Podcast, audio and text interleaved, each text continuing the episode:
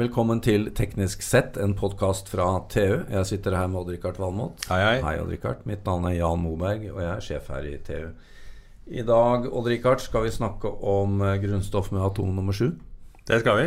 Det er da nitrogen, eller som det het i gamle dager, kvelstoff. Ja, Mange kan tenke seg hva det kommer fra. ja det får vi, Ja. eh, får vi utforske. Ja. For å uh, fortelle oss sannheten her, så har vi med oss Carl Henrik Gjørvitz. Hei, hei. Hei, Karl Henrik. Du er professor strukturkjemi i Universitetet i Oslo. Ja. Kvelstoff. Mm. Høres skummelt ut. Ja, det gjør det. Altså, man tenker man vil få noe kvelingsfornemmelse hvis man puster nitrogen. Det gjør man ikke. Eh, heller ikke når man puster inn karbondioksid. Eh, men du blir kvalt hvis du puster inn, selvfølgelig, for da får du jo oksygen. Så der, derav navnet. Svenskene sier jo kveve fortsatt. Ja, det gjør Men, det. men eh, det er jo ekstra For hvis man skal dyrke skummelheten, så er det jo ekstra skummelt fordi det er den gassen det er mest av i atmosfæren. Ja, 78% Er nitrogenet. mm. Det er jo et problem på en del områder. ikke sant? Når du- dieselbiler Når de med den- varmen de har i motoren, uh, så, så får de oksygen og nitrogen til å binde seg i de såkalte nitrøse gassene. Mm. Ja. Og de er jo ikke noe stas. Nei, det er det katalysatoren skal ta seg av, da, forhåpentligvis. Ja, det, og det gjør den jo effektivt i, i uh, noen Nei, det gjør ikke katalysatoren.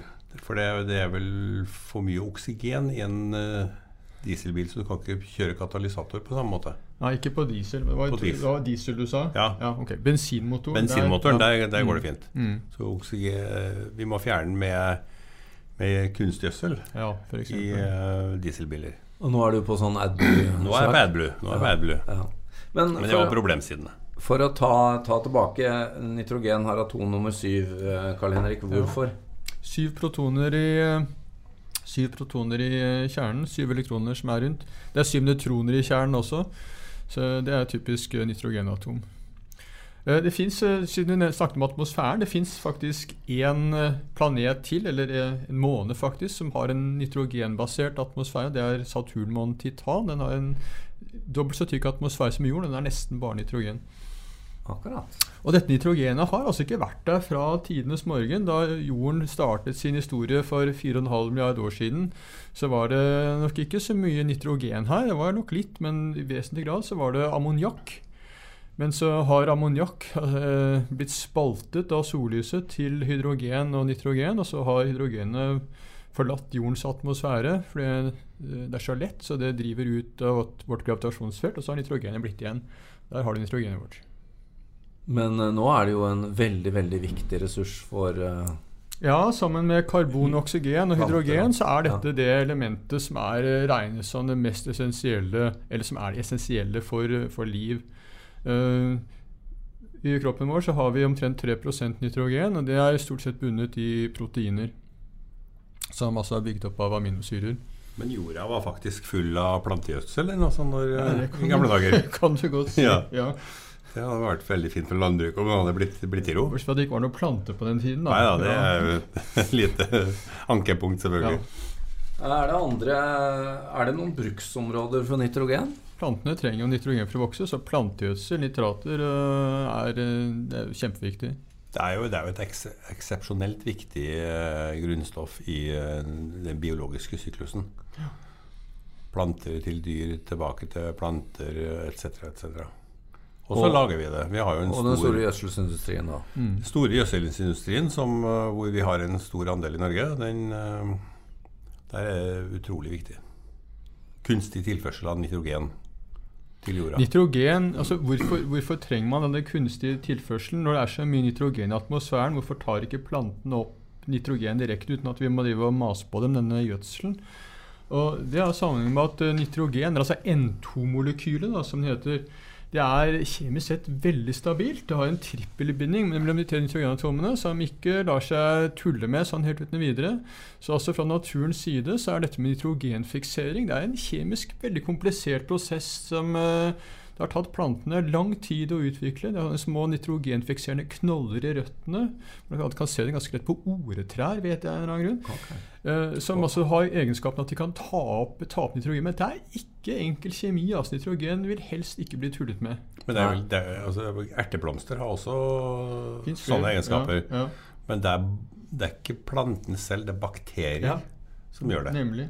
Så bakteriene har utvikla sånne Mm. mekanismer. Men det er egentlig rart at ikke naturen har krekka det her. For det hadde jo vært et, et komparativt fortrinn av Det kan en du si. annen verden. Altså med et enklere opptak. Ja. Ja. Den første planten som krekker det her, kan dominere jorda fullstendig. Så vi skal kanskje være glad for at de ikke har gjort det. Jeg vet ikke. Da hadde, da hadde det blitt litt av en science fiction-film. Ja. Ja, akkurat. ja Så den som, den som hadde klart å få Det grønne nitrogenmonsteret kommer krypende. Ja, ja. Men hva er, det, hva er det gjødselsindustrien gjør da med, med nitrogenet? Altså, eh, Norsk Hydro er jo fundert på gransen glansen av ammoniakk, som ikke vært eh, snakket om her for et øyeblikk siden. Så det er ammoniakkproduksjonen som var eh, det veldig viktig i norsk eh, historisk sammenheng. Ja. Det begynte jo med Birkeland sin metode for med, De brukte en lysbue. Mm. Så de gjorde vel egentlig det samme som dieselmotorene. Ja. Lage nitrøse gasser. Så gikk man videre og laga ammoniakk. Det trengte de store mengder strøm til, så var det derfor de laget eh, dette eh, opplegget på Rjukan, hvor de hadde store mengder med kraft. Og så hadde de så mye kraft til eh, overs at de kunne lage tungtvann ved siden av. Og så fikk du denne historien der.